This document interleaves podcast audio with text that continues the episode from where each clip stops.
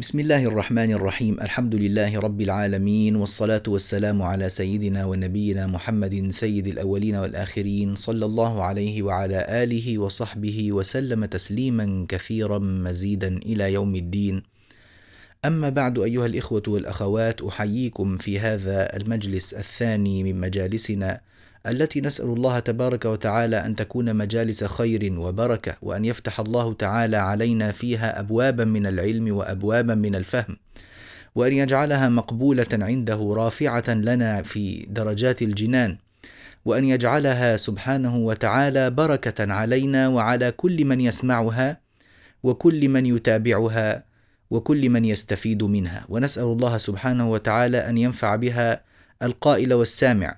اللهم آمين. وهذا الدرس آه، كما اعتدنا واتفقنا معكم إنه يكون معنا دائما آه، دفتر وكراس نكتب فيه الفوائد وندون فيه الأسئلة والملاحظات التي نحتاج إليها لأنه بكل تأكيد نحن عندما نستمع إلى الدرس ربما نستشعر أننا يعني فهمنا المعاني وأدركنا النقاط التي يتكلم فيها المتكلم.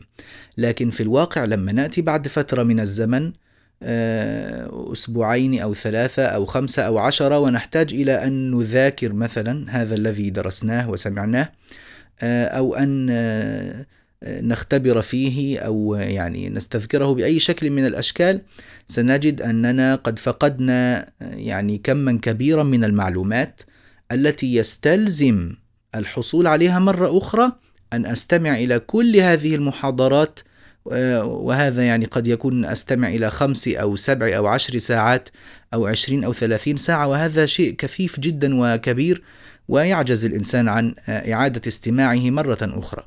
فدائما كتابة كل صغيرة وكبيرة وتلخيص كل ما نسمع آه، سيكون معينا جدا جدا على الاستذكار لأن الساعة ممكن تلخص في ثلاث أو أربع صفحات مثلا آه، وأستطيع أن أستذكرها في خلال عشر دقائق. إنما لو حبيت أن أنا آه، أستذكر هذا المحتوى من خلال استماع الدرس مرة أخرى أحتاج إلى ساعة كاملة. فالفرق هائل جدا جدا.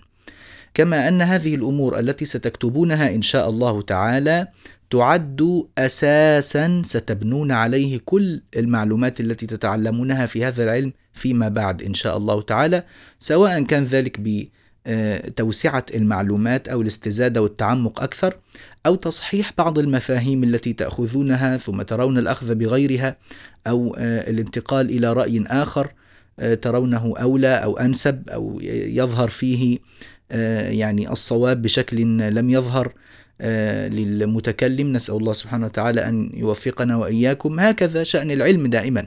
فلذلك نحن نحتاج إلى تدوين هذه المعلومات كلها والعناية بأن تكون كاملة شاملة لكل ما نسمعه. آه، إحنا تكلمنا في الدرس السابق آه، عن فضل القرآن الكريم ويعني أهمية كتاب الله عز وجل شرف حملته. وتكلمنا عن القراء من الصحابة ومن التابعين ويعني من جاء بعد ذلك من الأزمان. تكلمنا عن الجمع القرآني في زمن سيدنا أبي بكر الصديق رضي الله عنه وسيدنا عثمان. واتفقنا على أن نتكلم اليوم عن شروط قبول الرواية أو أركان القراءة الصحيحة. أيها الإخوة والأخوات، لما كثرت هذه القراءات كما أسلفنا في الدرس السابق، كان هناك عندنا آه، يعني كم هائل من آه، الناس يتلقون، وطبعا بشكل يعني آه، متوقع ومتصور جدا لم يكن الناس جميعا على نسق واحد في الجودة والمهارة والإتقان، فكان ربما واحد تلقى قراءة أو تلقى يعني كلمة قرآنية ولكنه خلط فيها. ضيع شوية. آه، نسي شيئا. آه، اختلط عليه ووهم في أمر. فكاد أن يدخل في القراءات ما ليس منها وقل آه، الضبط بعد مرور السنين واتسع الخرق وكاد الباطل يلتبس بالحق. كما يقول إمام هذا الفن وأستاذه الكبير الإمام محمد ابن الجزري رحمة الله عليه. ماذا عمل العلماء الأكارم؟ الله سبحانه وتعالى يعني ادعوا دائما لعلمائنا واستشعروا فضيلتهم علينا واستشعروا آه، أننا لا يمكن أن آه، أن نرد هذا الجميل. فنسأل الله عز وجل أن يجزيهم عنا خير ما جزى معلما عن متعلمه. فنسأل الله سبحانه وتعالى أن يجمعنا بهم أجمعين مع سيدنا رسول الله صلى الله عليه وسلم سيد القراء وإمام المجودين في جنة الخلد في أعلى الفردوس إنه تعالى جواد كريم. فاذا هؤلاء العلماء الأفاضل أرادوا أن يحلوا هذا الإشكال فعملوا أركانا إذا تحققت قبلوا القراءة بناء عليها. ما هي هذه الأركان؟ ثلاثة أركان أيها الإخوة والأخوات. الركن الأول موافقة اللغة العربية ولو بوجه إحنا هنشرح هذه الأركان كويس بس بعد أن نذكرها بالإجمال فاكتبوا هذه الأركان الركن الأول موافقة اللغة العربية ولو بوجه. الركن الثاني موافقة أحد المصاحف العثمانية ولو احتمالا. أكرر موافقة أحد المصاحف العثمانية ولو احتمالا كل كلمة لها معنى كما سيتبين إن شاء الله. الركن الثالث صحة الإسناد مع الاستفاضة والشهرة والتلقي بالقبول. صحة الإسناد مع الاستفاضة والشهرة والتلقي بالقبول. طيب. إذا هذه الأركان الثلاثة اسمها أركان القراءة الصحيحة أو ما يعبر عنه بشروط قبول الرواية. فما تحقق فيه هذه الأركان كلها فهو قراءة صحيحة. يعني ناتج تحقق هذه الأركان القراءة التي يتحقق فيها هذه الأركان الثلاثة نسميها إيه؟ نسميها قراءة صحيحة. طيب اللي يختل فيها ركن من هذه الأركان ماذا نسميها؟ نسميها قراءة ضعيفة أو قراءة شاذة أو قراءة باطلة بحسب الركن اللي يختل. تمام؟ ضعيفة أو شاذة أو باطلة. المهم أنها قراءة غير مقبولة. هنفصل الكلام ده في هذه المحاضرة يعني آه، كونوا مركزين معانا كده.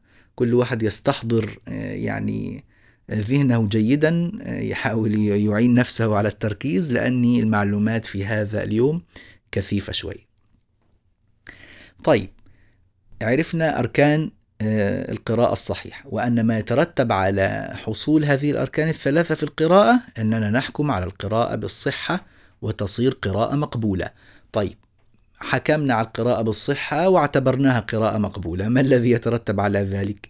يعني القراءة المقبولة ما هي؟ ما الذي يترتب على قبول القراءة؟ يترتب عليها أمور آه، طبعا يحرم ردها ولا يحل إنكارها بل يجب قبولها صح ولا لا؟ لأنه أصبح قرآن لا يجوز إنكاره ولا تركه. الأمر الثاني اعتقاد أنها من الأحرف السبعة يقينا أمال يعني الخلاف هذا جاء من أين؟ وهذه القراءة من أين حصلت؟ إذا كان إسنادها مستفيض عن النبي صلى الله عليه وسلم. وموافقة لأحد المصاحف العثمانية وموافقة للغة العربية ولو بوجه. فهذه بكل تأكيد قراءة آه، داخلة ضمن الأحرف السبعة. نعم. أيضا الأمر الثالث جواز التعبد بهذه القراءة الصحيحة وأخذ ثواب التلاوة عليها. وأن أقرأ بها في الصلاة وأستعملها كقرآن أي كما نقرأ أي آية من كتاب الله عز وجل. كل الآيات التي نقرأها انطبق عليها هذه الشروط واعتقدنا قرآنيتها بهذه الطريقة. اذا الأمر الرابع الذي يترتب على صحة القراءة اعتقاد قرآنيتها وقطعية ثبوتها. تمام كده؟ طيب جميل جدا. الآن هل هذه القراءة الصحيحة تطلق على رجل بعينه يعني هي الاعتماد في الصحة يكون على من تنسب إليه القراءة أم على استجماع هذه الأركان. يعني مثلا مش فاهمين السؤال؟ نوضح السؤال أكثر. فلان من الناس مثلا نافع عاصم أبو عمرو هؤلاء من من كبار القراء اللي حنتعلم قراءتهم في هذه الدورة إن شاء الله في المحاضرات القادمة لما يأتي دورها إن شاء الله تعالى هؤلاء القراء هل تنطبق الصحة على ذواتهم وأسمائهم؟ يعني هل كل ما نسب إلى نافع يبقى قراءة صحيحة؟ هل كل ما نسب إلى عاصم هو قراءة صحيحة؟ أم النظر إلى ذات القراءة بعينها؟ هل هي متعلقة بالأشخاص المنسوبة إليهم القراءة؟ الصحة متعلقة بالأشخاص ولا متعلقة بالكلمات؟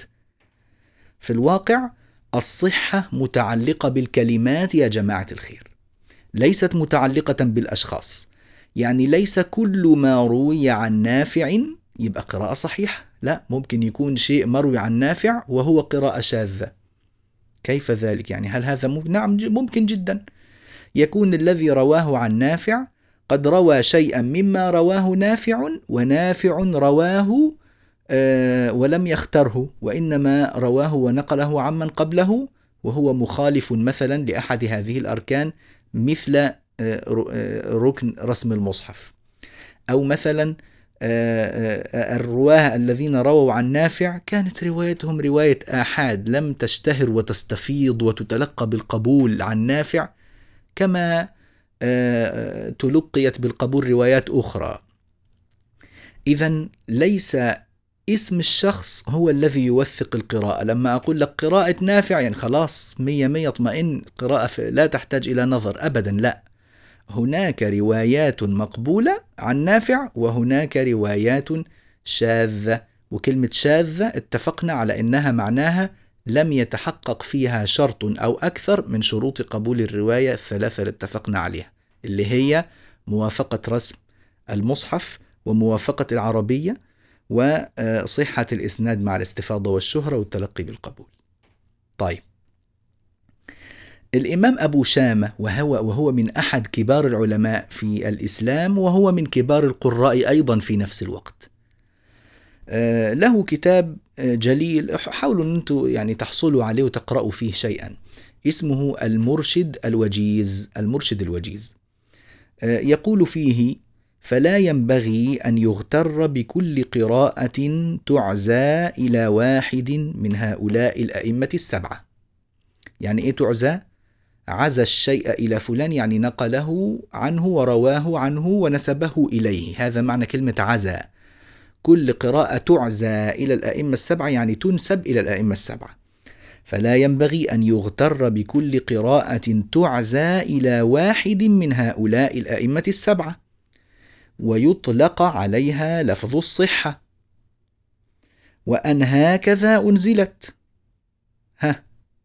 إلا إذا دخلت في ذلك الضابط اللي هي الشروط اللي اتفقنا عليها.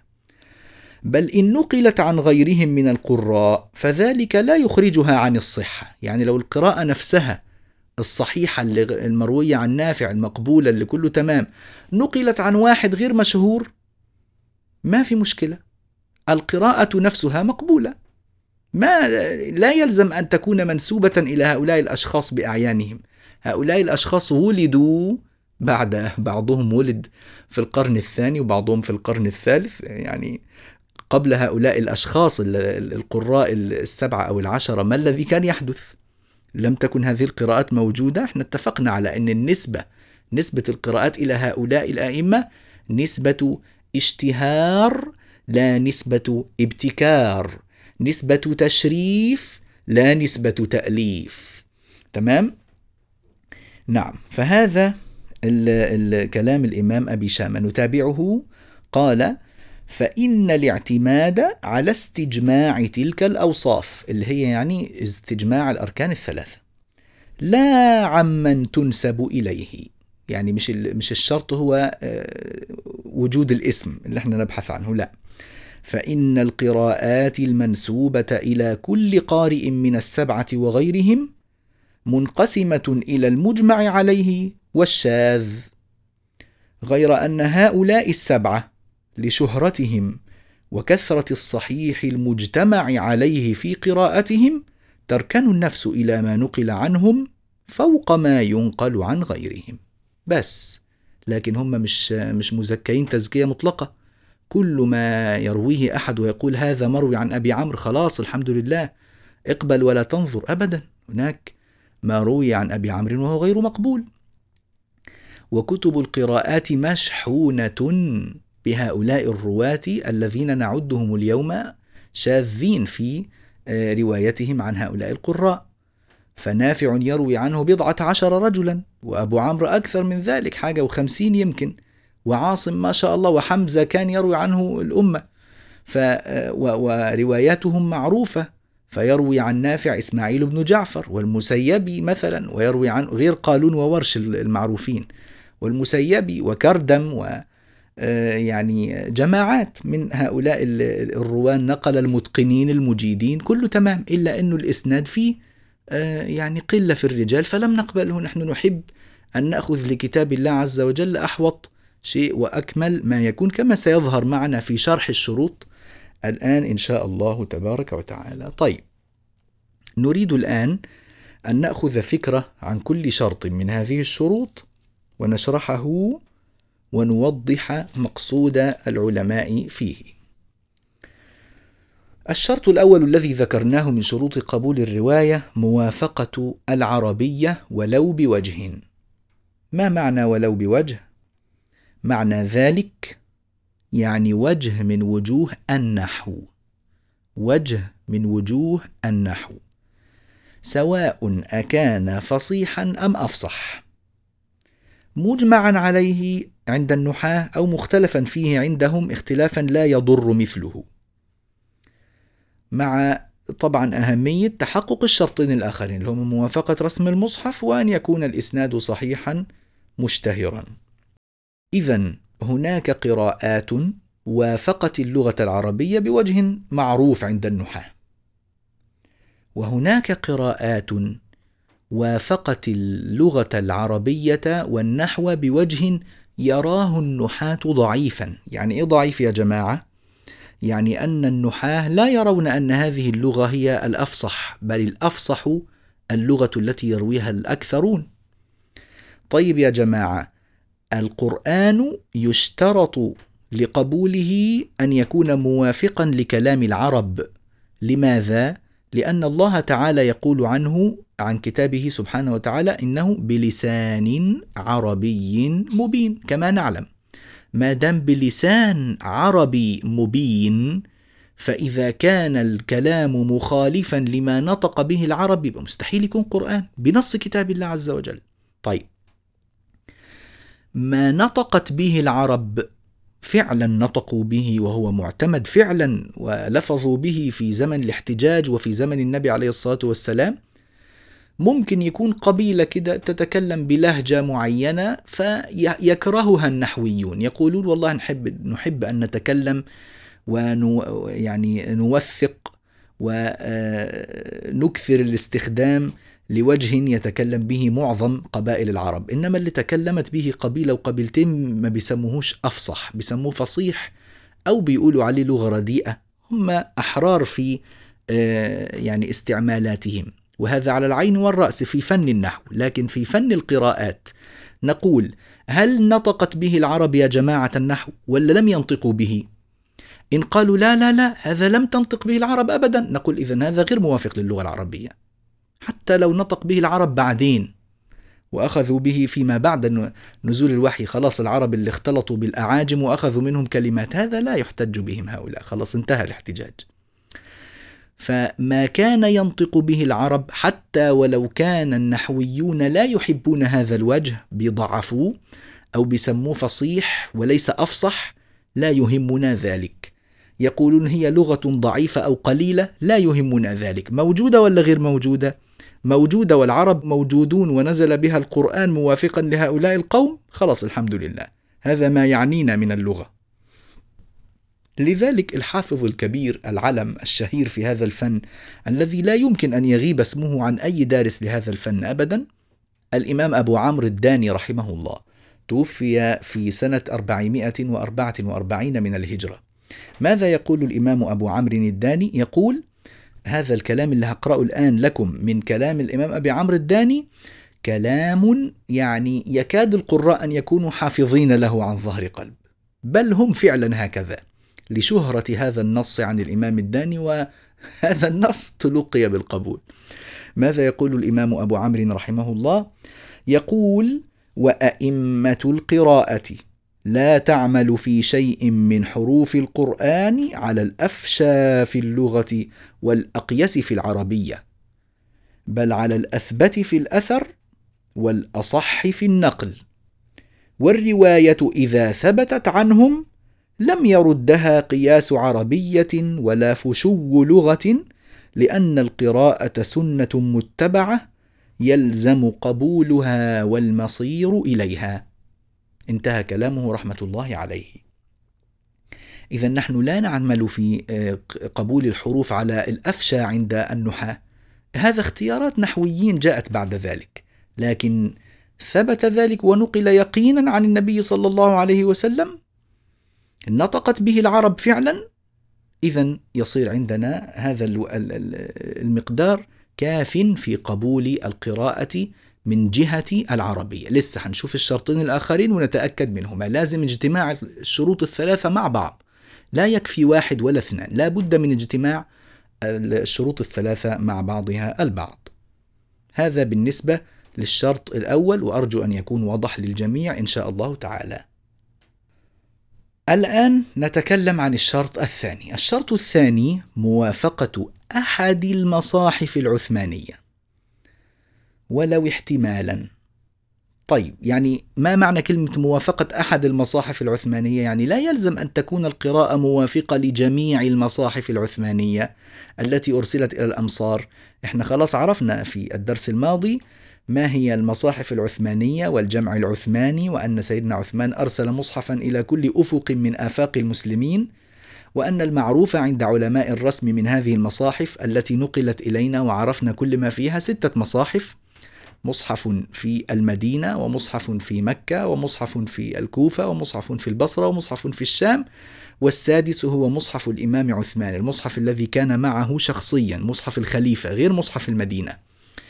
فهذه المصاحف يكفي أن توافق القراءة مصحفا واحدا من هذه المصاحف لأن إحنا اتفقنا آه، القراءات التي أو الآيات التي كتبت في زمن النبي صلى الله عليه وسلم كتبت على قطع مختلفة. هذه الكتابات التي كتبت نقلت كما هي في صحف بغرض جمع الآيات. يعني هذا هو كان المهم في زمن سيدنا أبي بكر. فكان هناك مواضع لا يمكن آه، يعني يشملها رسم واحد. كتبت هكذا فعلا بين يدي رسول الله صلى الله عليه وسلم برسوم متعددة. وسارعوا سارعوا. وأوصى ووصى. مرة بألف ومرة من غير. مرة بواو ومرة من غير. فهذه الكلمات جمعت. ربما يكون في المصحف البكري كتبت مثلا بجوار بعضها البعض أو في الهامش أو بشكل معين. المهم إنه المراد من المصحف البكري جمع المعلومات فقط. أرشفتها لا أكثر من ذلك. إنما في زمن سيدنا عثمان المصاحف التي عملت القصد منها التلاوة أن تقرأ. فلا يناسب أن تكتب الكلمة مرتين وأوصى ووصى وسارعوا سارعوا. تجري من تحتها الأنهار تجري تحتها الأنهار. مرة بمن ومرة من غير من.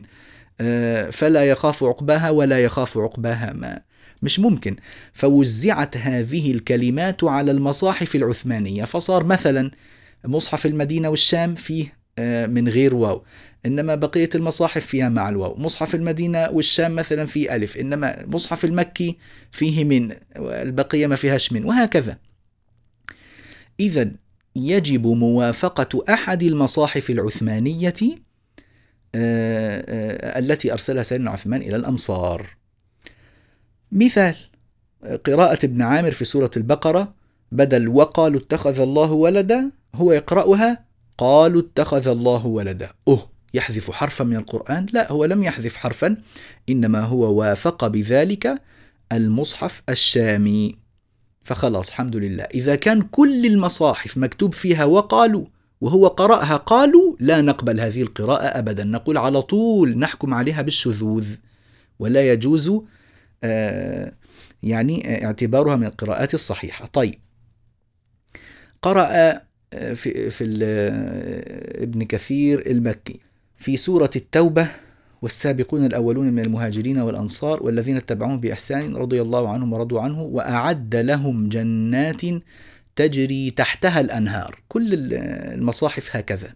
لكن المصحف المكي كتب فيه تجري من تحتها الأنهار. فهذه القراءة آه، قراءة المكي آه، وهو يقرأ تجري من تحتها الأنهار. تكون مقبولة ولا غير مقبولة يا جماعة؟ ها يا إخوة يا أخوات مقبولة ولا لا؟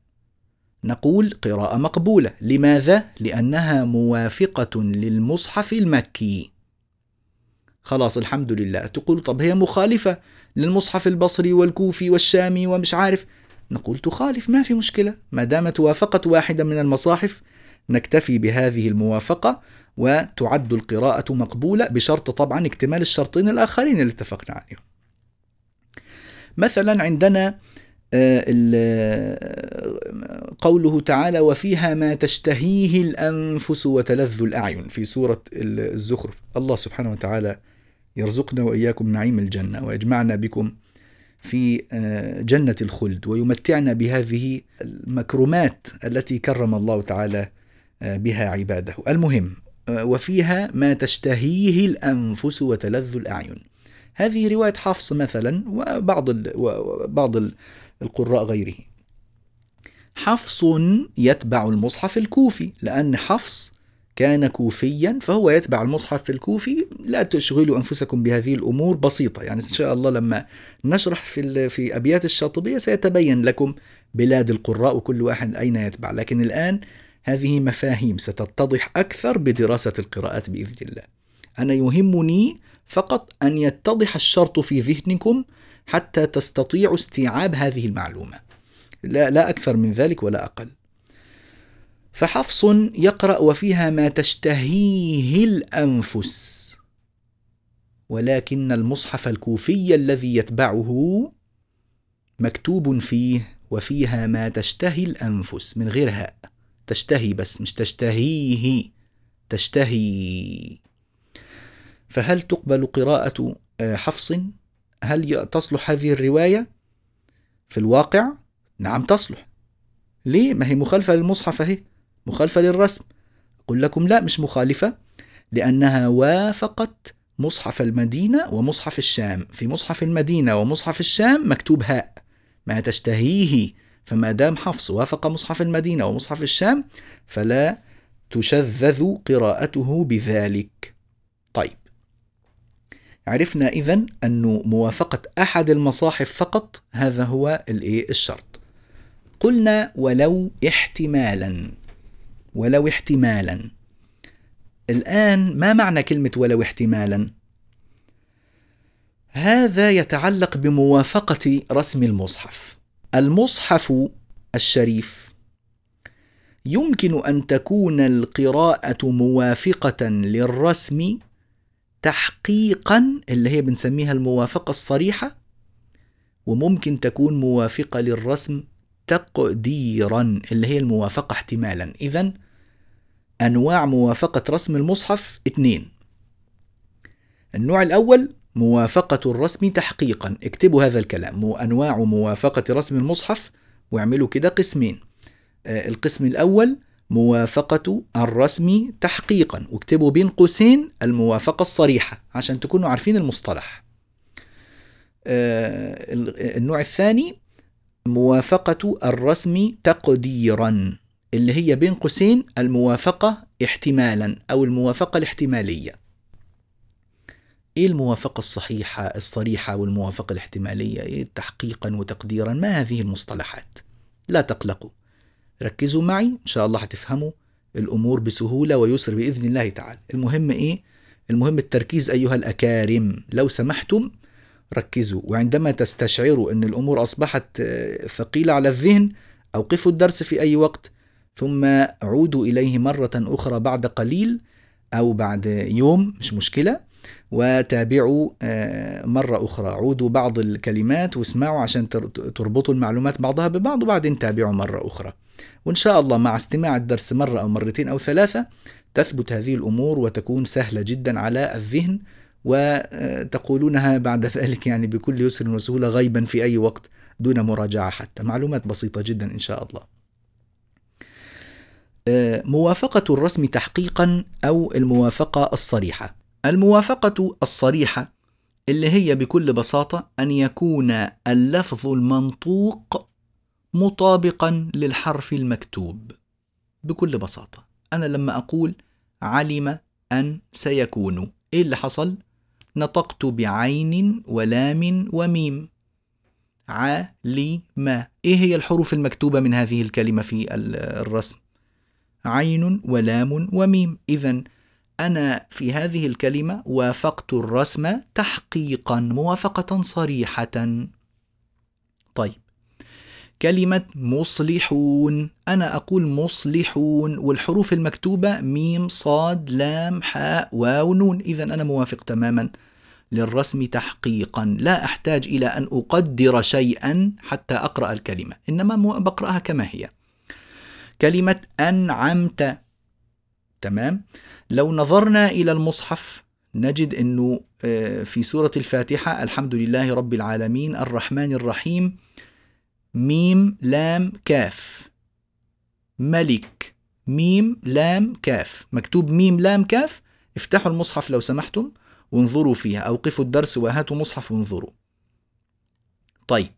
ميم لام كاف. هناك ألف صغيرة في بعض الناس اللي بيقرأوا برواية حفص مثلا سيجدون أن هناك ألفا صغيرة بين الميم واللام. أي حرف صغير يا جماعة ليس من الرسم العثماني إنما هو إضافة من العلماء ليسهلوا لنا القراءة آه، دون عناء ومشقة. فكلمة ملك يوم الدين لو قرأنا قراءة بقراءة ملك هناك قراءة ملك يوم الدين وقراءة مالك يوم الدين. قراءة ملك يوم الدين موافقة للرسم العثماني تحقيقا. يعني أنا مش محتاج أقدر ألف مثلا عشان آه، أقرأها مالك. طيب. آه، مثلا افتحوا في سورة آل عمران فنادته الملائكة وهو قائم يصلي في المحراب. فنادته مكتوب فاء وسن وألف ودال وياء هكذا يعني نبرة يعني وهاء. فهذه الكلمة طبعا لا شك كما نعلم الكلمات التي كتبت في المصاحف العثمانية لم تكن عليها أي نقط ولا أي تشكيل. صحيح؟ فهذه الكلمات التي لم تكن تحمل نقطا ولا تشكيلا يمكن أن تحتمل أوجها كثيرة. كلمة فنادته الجسم جسم الحرف من غير نقط احذفوا كل النقط وكل التشكيل واكتبوها في ورقة خارجية. دائرة الفاء وسنة النون وألف ودال وسنة كده اللي هي سنة الياء ما ما يعني مشبوك معها حرف الهاء. هذه الكلمة ممكن أن تقرأ فنادته وممكن تقرأ فناداه بدل النقطتين التاء نحط ألف صغيرة فتبقى فناداه قراءتين آه، متواترتين فعلا فهل قراءة فنادته موافقة للرسم العثماني تحقيقا؟ أيوة نعم صحيح قراءة فناداه موافقة للرسم العثماني تحقيقا؟ نعم صحيح لم أحتج إلى أن أقدر أي حرف زائد أو أي حرف ناقص جميل؟ طيب مثلا قراءة يعملون وتعملون موافقة للرسم العثماني تحقيقا لأنه أنا عندي سنة وعين ولام وميم ونون ميم واو نون سنة وعين ولام وميم وواو ونون هذه السنة ممكن تكون تعلمون وممكن تكون يعلمون إيه اللي يضبطها لي؟ أن يكون هناك إسناد صحيح مشتهر مستفيض مروي عن النبي عليه الصلاة والسلام وموافق للغة العربية وأن تكون موافقة للرسم فجاءتني هذه القراءة يعملون وتعملون هل آه، هي موافقة للرسم؟ ننظر من هذا النحو من هذه الناحية من هذا الشرط فقط؟ نعم موافقة للرسم. هناك في قوله تعالى يا أيها الذين آمنوا كونوا أنصار الله. أنصار الله مكتوب إيه؟ مكتوب ألف نون صاد ألف راء ألف لام لام هاء. اكتبوها في ورقة خارجية وانظروا. هناك إمكانية لأن نقرأ هذه الكلمة أنصار الله. وممكن نقرأها أنصارا لله. دول قراءتين فعلا. فعلا هما قراءتان. فهل القراءة الأولى موافقة للرسم العثماني تحقيقا؟ أيوة نعم. القراءة الثانية موافقة للرسم العثماني تحقيقا أيضا؟ نعم موافقة تحقيقا. الألف بقت تبع أنصارا صارت لله حذفنا الألف مش حذفناها بل نقلناها يعني إلى الكلمة الأولى وهناك نقلناها إلى الكلمة الثانية. ما في مشكلة أبدا. طيب هذا هو الموافقة التحقيقية الصريحة للرسم العثماني. ومن تطوع خيرا ومن يطوع خيرا. فتبينوا فتثبتوا. كم سن عندي؟ الفاء موجودة. تبي هذه ثلاثة أسنان. نو السنة الرابعة. والواو والألف. فتثبتوا. الفاء هي موجودة. تا ثب هذه ثلاثة أسنان. تو هذه التاء السنة الرابعة. نفس الأربع أسنان هم هم لكن حطيت نقط مختلفة. الجسم الخام للكلمة لم يتغير. ما دام الجسم الخام لم يتغير إذا أنا لم أقدر شيئا حتى الآن. تبقى الكلمة على ما هي عليه أنا موافق للرسم العثماني تحقيقا. لنبوئنهم لنثوينهم. الاثنين أيضا لو جربتموها تجدون أنها موافقة للرسم العثماني تحقيقا. طيب الحمد لله. الآن نريد أن نفهم ما هي الموافقة التقديرية للرسم العثماني اللي هي الموافقة احتمالا يعني. الموافقة احتمالا اللي هي اللي هي يعني أن يكون هناك تقدير حذف حرف من الكلمة. أو زيادة حرف في الكلمة مثلا. أو النظر إلى الأصل يعني حديكم أمثلة ونوضح هذا إن شاء الله. أه، مثلا كلمة مئة مكتوب ميم ألف ونبرة عليها همزة طبعا وإيه؟ وتاء مربوطة. المنطوق المنطوق الآن وإحنا بننطق. أه، مئة. هل نطقنا هذه الألف اللي بعد الميم؟ ها يا جماعة. لا لم ننطقها طبعا. لم ننطقها أبدا. ما دمنا لم ننطق هذه الألف فنحن نقدر حذفها. نقدر حذفها من النطق أو نقدر زيادتها في الكتابة. براحتك. اللي, اللي يحب يقول قدرنا زيادتها في الكتابة زي اللي يقول قدرنا حذفها من النطق. لا إشكال. طيب يعني زيادة الألف والواو والياء أو حذف الألف والواو والياء هذا كله من, من الإيه؟ الأمور التقديرية التي لا إشكال فيها وهي كلها مغتفرة في علم الرسم طيب آه، كلمة وملئه مثلا كلمة وملئه مكتوب وملئيه في ياء عندي زائدة هذه الياء آه، هل القراءة الآن أو الكلمة خالفت رسم المصحف؟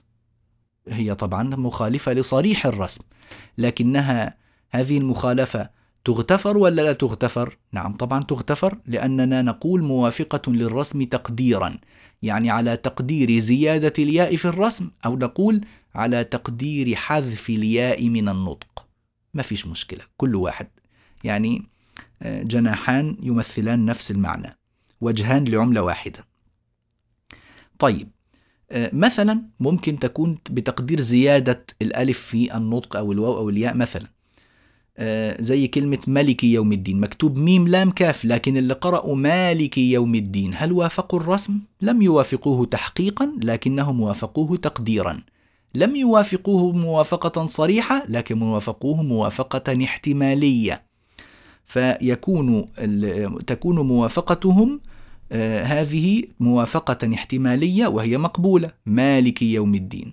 مكتوب مسكين. فدية طعام مسكين وقرئ مساكين. الناس اللي قرأوا مساكين نقول لهم أوه خالفتم الرسم. هذه ألف زائدة ولا نقبلها. يقولون زيادة الألف مما يغتفر في الرسم ويعد من الموافقة التقديرية ولا إشكال فيه. مثلا فأصدق وأكن من الصالحين قرئت وأكون من الصالحين. هل هذه موافقة للرسم؟ لا مش موافقة للرسم تحقيقا لكنها موافقة للرسم على تقدير زيادة واو. طيب آه لينذر يوم التلاق. ما فيش ياء مكتوبة لكن قرأت في في بعض القراءات يوم التلاقي. إيه ده؟ التلاقي بياء؟ لا يوجد ياء في رسم المصحف. هل نقبل هذه القراءة؟ نعم نقبلها لأن الألف والواو والياء كما قلنا لكم زيادتها أو نقصها مما يغتفر في علم الرسم. هتقولوا يعني إيه يغتفر؟ هو كل حاجة تقول لنا يغتفر. شوية تقول لنا زيد ألف احذف ألف زيد واو احذف واو زيد ياء احذف ياء. يعني يبدو أن الموضوع كده كأنه سلطة كأن إحنا يعني الموضوع غير منضبط. لا لا أبدا اطمئنوا يا جماعة. لكن أنا لا أريد أن أشغل أذهانكم بكل القواعد التي تدرس في علم الرسم عشان تعرفوا ما يغتفر وما لا يغتفر. إحنا هنوصل لنتيجة نهائية تريحكم إن شاء الله. مثلا آه، كلمة الصراط. الصراط. هل هي موافقة آه، للرسم؟ لما أنا أقرأ الصراط موافق للرسم العثماني؟ نعم موافق موافقة تحقيقية لأني نطقت صادا ومكتوب أمامي صاد. طب الناس اللي قرأوا السراط بالسين ها وافقوا الرسم ولا خالفوه؟ هتقول لي عادي نخلي الصاد سين كمان؟ ما دام غيرنا حرف عادي؟ لا طبعا لا طبعا أبدا. هذه لها وجه آخر. يقولون أن أصل الكلمة بالسين أصلا السراط هذا أصل الكلمة مادتها اللغوية سين راء طاء مادة سرط مش صرط سرط بالسين. واسمه الأصلي السراط وبعض العرب كان يستصعب نطق السين مع الطاء بسبب استعلاء الطاء وإطباقها واستفال السين وانفتاحها. فكان يقلب السين إلى صاد. فلما كتبت الكلمة بالصاد احتملت الأصل يعني دلت على الأصل بلا شك. لكن لو كانت كتبت بالسين كنا شذذنا من قرأها بالصاد وقلنا له خالفت الرسم. تقولون لما, قرأ لما كتبت بالصاد لم نشذذ من قرأها بالسين. ولو كتبت بالسين كنا منعنا اللي يقرأوها بالصاد؟ أيوة لأن الفرع يدل على الأصل. لكن الأصل لا يدل على كل الفروع. صح ولا لا؟ يا رب تكون وضحت. طيب. إذا يا جماعة كده خلينا نعمل لكم تلميح. تقدروا تسموه كده تلميح أو ما يعني آه، ملخص كده للموافقة التقديرية. ما يخالف الرسم الصريح بالإدغام أو الإبدال أو حذف الحرف أو إثباته أو نحو ذلك لا يعد مخالفة غير مغتفرة في الرسم أبدا. ده غير مغتفر؟ لا لا مغتفر ما فيش مشكلة. لا يعد غير مغتفر إنما هو مغتفر عند علماء الرسم. بشرط أن تكون القراءة مشهورة مستفاضة متلقاة بالقبول. لازم لازم. أما آه، موافقة تقديرية من غير استفاضة ولا شهرة ما هذا لا يقبل عند القراء. لكن انتبهوا لهذه الكلمة وانتبهوا جدا. لا يغتفر أبدا ولا يقبل بحال ولا يسمح نهائيا بزيادة كلمة أو نقصانها أو تقديمها أو تأخيرها حتى لو كان هذا في الحروف و وفاء ونحو ذلك حروف المعاني. فكل ذلك لا يغتفر عند علماء هذا الفن ويشذذون به القراءة الحرف اللي في وسط الكلمة وإن كان ألف ولا واو ولا ياء أمر بسيط. إنما حرف عطف ولا وفلا لا مش مقبول هذا. لا بد أن يكون في مصحف من المصاحف العثمانية. أما إذا كان كل المصاحف متفقة على كتابة معينة وجاءت قراءة خالفت هذا نقول معلش هذا غير مقبول نهائيا. بإمكانكم الآن أن تأخذوا استراحة يعني أوقفوا التسجيل واعملوا استراحة كده خمسة أو عشر دقائق ثم عودوا معي لاستيعاب آه، ما يتعلق بالشرط الثالث إن شاء الله تعالى.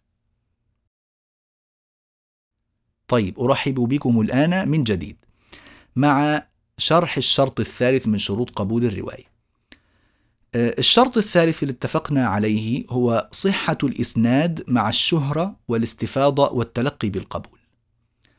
حقيقة عبر بعض العلماء عن هذا الشرط بقولهم التواتر. بل هذا يعني التعبير هو التعبير السائد عند العلماء.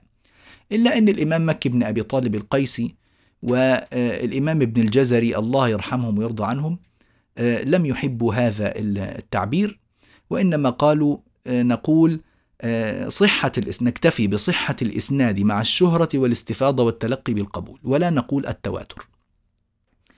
والحقيقة خلونا كده نستوعب الخلاف ونصل معكم فيه إلى نتيجة مريحة إن شاء الله التواتر يا جماعة الخير إذا حصل فعلا خبر تواتر عن النبي عليه الصلاة والسلام هل يمكن أن تكون القراءة التي تواترت فعلا ونقلها الأعداد الغفيرة جدا عن النبي عليه الصلاة والسلام ووصلت إلينا بهذه الطريقة هل ممكن أن تكون مخالفة للرسم؟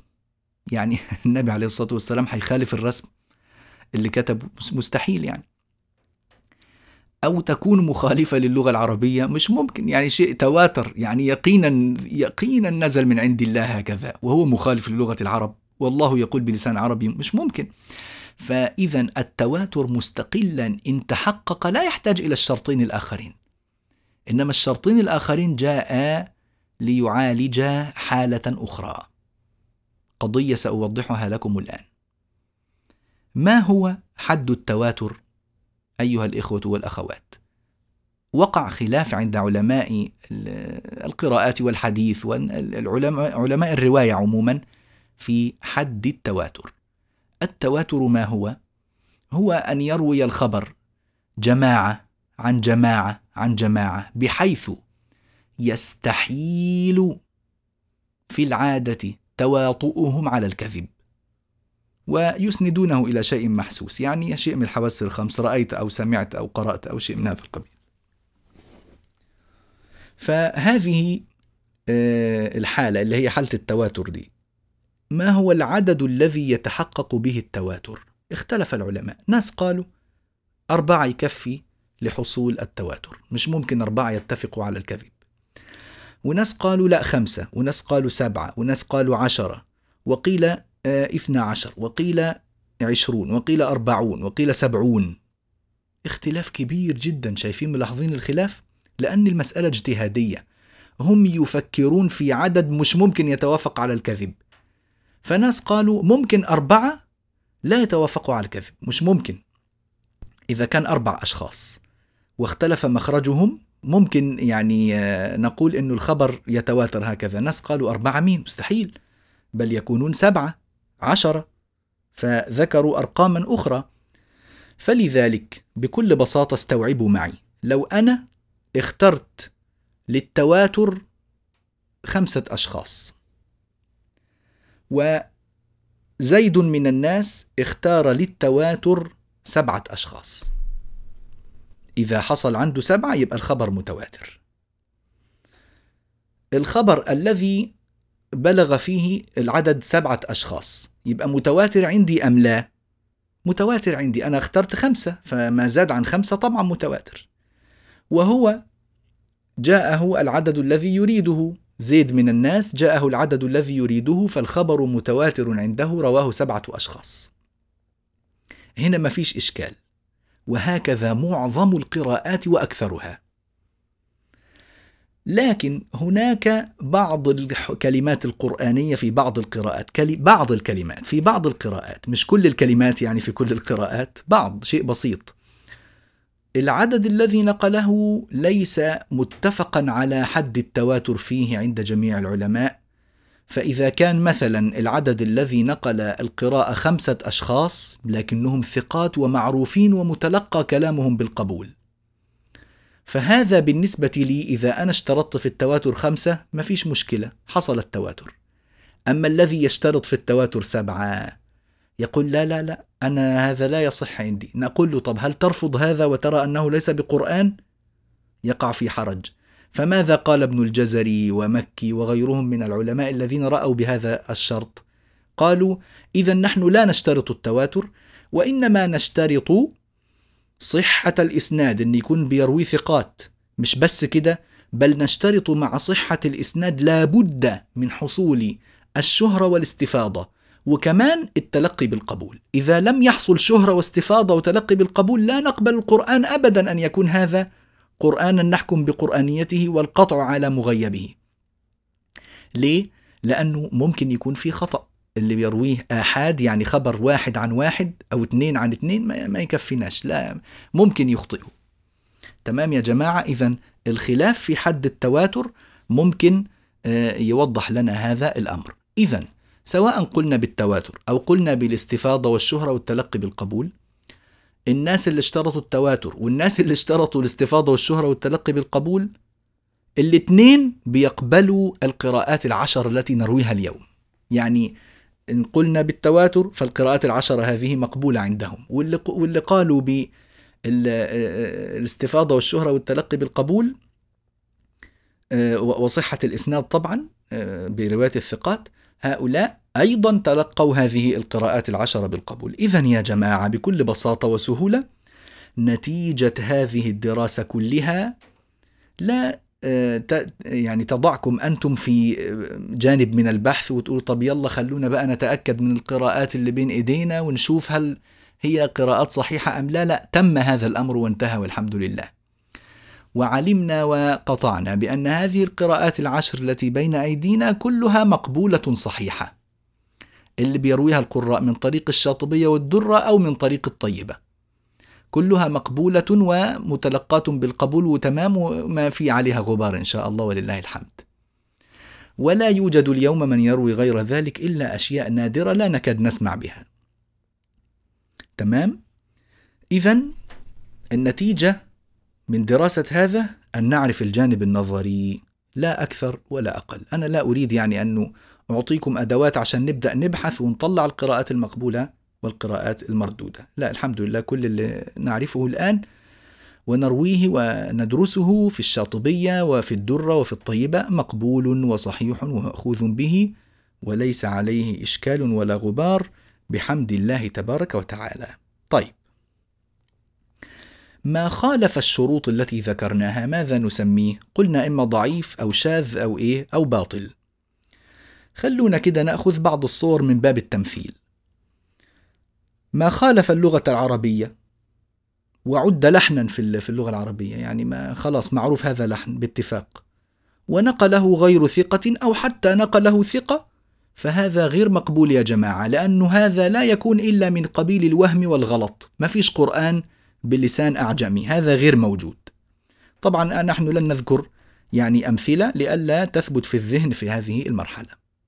مثال آخر من مخالفة الشروط. ما صح نقله آحادا؟ يعني في رواة رواه ثقات نقلوه لكن العدد لا يصل إلى الشهرة. الشهرة تتحقق بثلاثة على الأقل. لم يصل إلى الشهرة. وصح وجهه في العربية. من يعني الآن نقله آحاد من الناس. ووجهه في العربية صحيح لكنه مخالف للرسم العثماني. فهذا يا جماعة الخير ممكن يكون من الأحرف السبعة ممكن وممكن لا. فلذلك آه، آه، يقبل هذا تقبل هذه القراءة قبول الحديث الشريف. نعتبرها زي الحديث. نستفيد منها لغة ماشي نستفيد منها بعض الأحكام الشرعية بما يطابق الأح... الأحاديث ونشوف بقى إسنادها صحيح ولا ضعيف ولا حسن يعني يعمل فيها عمل الحديث الشريف. لكن لا يقرأ بها ولا يتعبد بتلاوتها كقرآن لأن القرآن لا يثبت برواية الآحاد ولا يقطع به إذا خالف الرسم المجمع عليه. مثلا ما صحت روايته عن ابن مسعود وأبي الدرداء رضي الله عنهما أنه قرأ بدل وما خلق الذكر والأنثى قرأ والذكر والأنثى والذكر شالوا كلمة ما خلق فهذا مخالفة صريحة للرسم لا تغتفر. نعم لكن صح نقله عنهم وصح في اللغة العربية والذكر والأنثى إقسام ما في إشكال في القسم.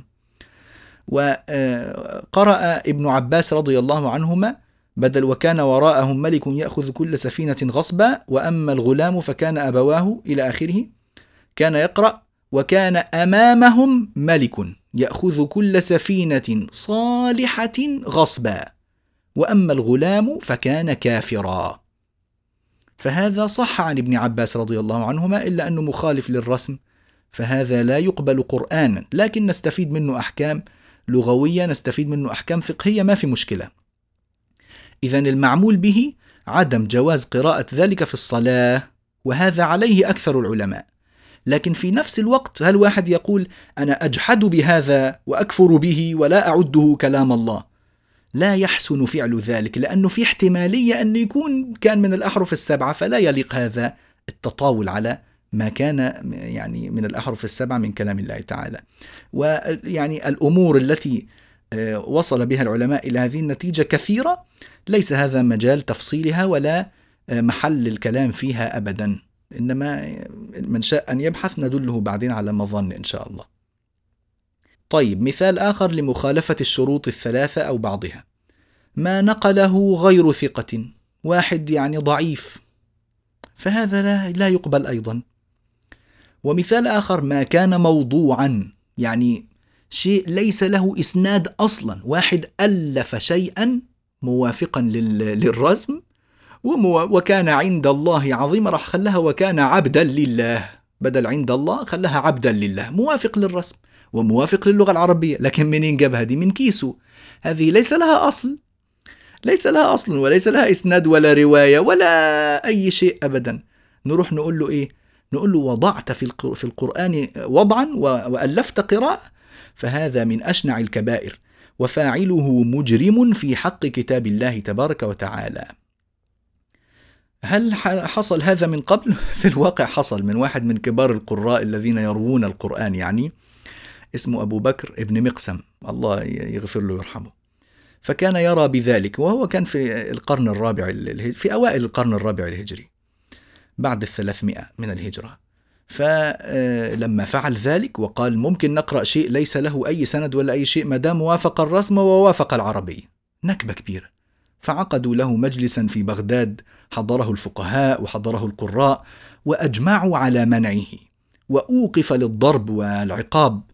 فتاب ورجع عن ذلك وكتب عليه بذلك محضر والحمد لله رب العالمين. ولذلك منع العلماء القياس المطلق الذي ليس له أصل في القراءة وليس له ركن يعتمد عليه. وقعد القراء هذه القاعدة احفظوها قاعدة ذهبية بهذا اللفظ يعني احفظوها. القراءة سنة متبعة. يأخذها الآخر عن الأول. لا مجال فيها للرأي أو القياس. عبارة جليلة وكبيرة وعظيمة لا يفرط فيها القراء. شفتوا هذا القياس اللي منعناه؟ هل القياس يمنع مطلقا؟ يعني دائما لا يوجد قياس على الإطلاق عند القراء. لا يوجد قياس على الإطلاق عند القراء ليس له أصل يعتمد عليه ولا إجماع منعقد. لكن إذا كان آه، هناك قياس على إجماع انعقد أو أصل معتمد فيمكن حصوله بالشروط الآتية. لن أفصل هذا كثيرا سيأتي في مسائل القراءات في الشرح إن شاء الله في صلب الشاطبية وفي آه، في داخل المسائل. لكن آه، آه، اكتبوا هذه الشروط. يعني القياس الذي يقيسه القراء على غير أصل هذا غير موجود غير مقبول. لكن إذا قاسوا على أصل معتمد وعلى إجماع انعقد فهذا يعني يقبل بشروط. الشرط الأول كما قلت لكم أن يعتمد على أصل معلوم معتمد عند القراء. الشرط الثاني أن يكون في مسألة انعدم فيها النص وغمض وجه الأداء. هل هذا ممكن؟ ممكن. وسيأتي في الأمثلة يعني آه، يعني التي سنأتي بها في أثناء شرح الشاطبية ما يبين ذلك إن شاء الله. الشرط الثالث أن يكون القائم بالقياس عالما بالرواية والدراية معتمدا في هذا الفن. مش كل واحد يقيس ويأتينا بشيء من عنده ما لا يصلح.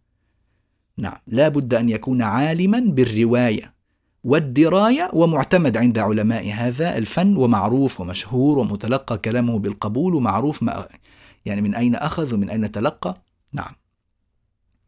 طيب هذا القياس الذي حصل هل هو كثير؟ لا أبدا هو نادر وقليل جدا ومنصوص عليه في مسائل القراءات التي ستأتينا إن شاء الله تعالى. بقيت لنا مسألة أخيرة. وهي مسألة الخلط والتلفيق بين القراءات. الآن إحنا عرفنا إنه ما هي القراءة الصحيحة التي نقبلها وما هي القراءة الشاذة التي لا تقبل. القراءة المقبولة والقراءة المردودة.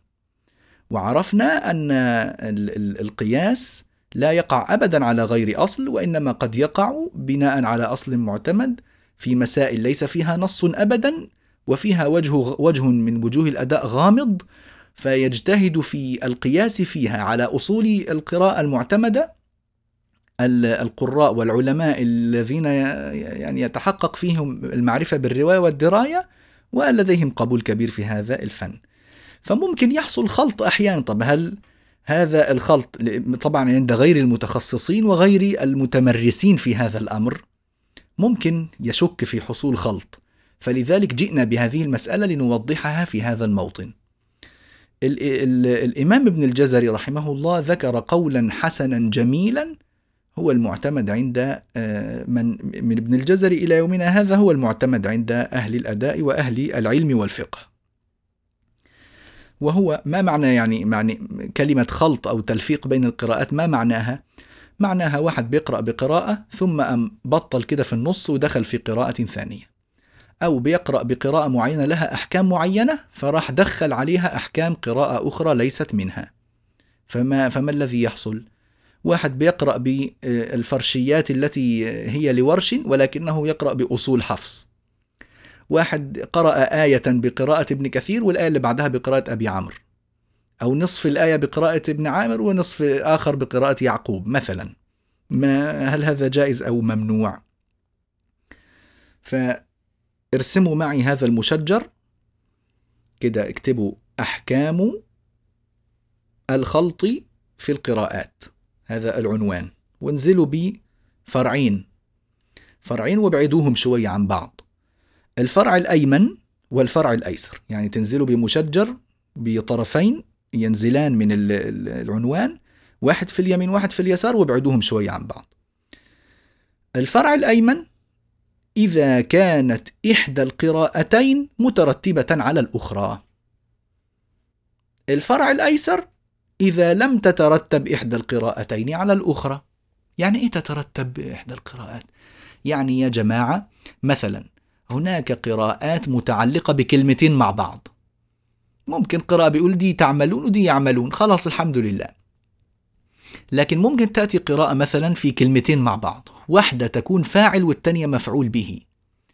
والقراءة الأخرى الأولى مفعول به والثانية فاعل. يقوم واحد باشا يقول لنا أنا سوف أقرأ الأولى فاعل والثانية فاعل. نقول له فاعلين فاعلين في اللغة. أو يقول طب خلاص الأولى مفعول به والثانية مفعول به. نقول له قد أتيت بشيء هذا غير مسبوق. لا يوجد قراءة جعلتهما فاعلين ولا قراءة جعلتهما مفعولين. القراءتين مترتبين على بعض. فتلقى آدم من ربه كلمات. آدم فاعل كلمات مفعول به. قرأ ابن كثير فتلقى آدم من ربه كلمات. آدم مفعول به كلمات فاعل. يقوم واحد يقول فتلقى آدم خلاها فاعل ومثلا قال من ربه كلمات كلمات برضو فاعل فاعلين. أو آدم مع كلمات ما ينفعش برضو مفعولين. فإذا كانت القراءة مترتبة على بعضها فيحرم الخلط.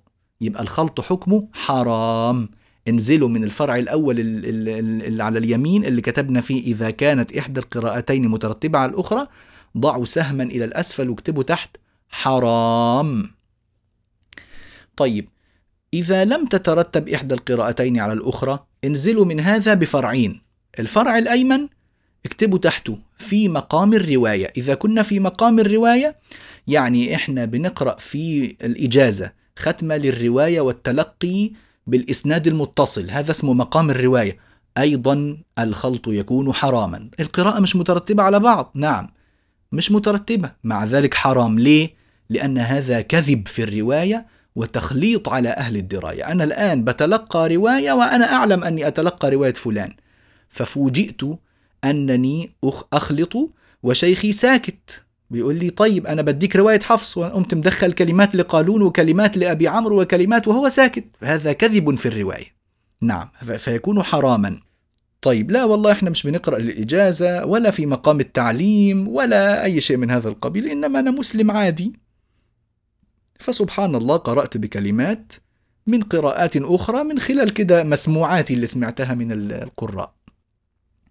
ففي غير مقام الرواية في عندنا كده نزلوا بفرعين جائز للعوام معيب للقراء. في حق القراء يعني لا يليق أن يساوى العلماء بالعوام. لكن في حق العوام قرأ بشيء من عند الله. كل نزل من عند الله الحمد لله. حصل له يعني الثواب ولا نثرب عليه ولا نحرج ونقول له آه، أنت عملت مصيبة وبلاء وخلطت ولفقت و لا ما فيش. نقول له كل من عند الله الأحسن أنك تقرأ بالقراءة التي تعرفها والقراءة التي هي منضبطة بأصولها وفرشها وكل تمام. لكن إن آه، خلطت فلم تكفر ولم تفعل مصيبة ما دام القراءة مش مترتبة على بعضها خلاص هو شيء جائز أيضا. نعم. إذا الخلاصة التلفيق بين القراءات. نزلنا بفرعين. إن كانت القراءة إحدى القراءتين مترتبة على الأخرى النتيجة حرام. الفرع الثاني إذا لم تترتب إحدى القراءتين على الأخرى نزلنا منها بفرعين. في مقام الرواية النتيجة حرام. في غير مقام الرواية نزلنا بفرعين. جائز للعوام؟ معيب للقراء.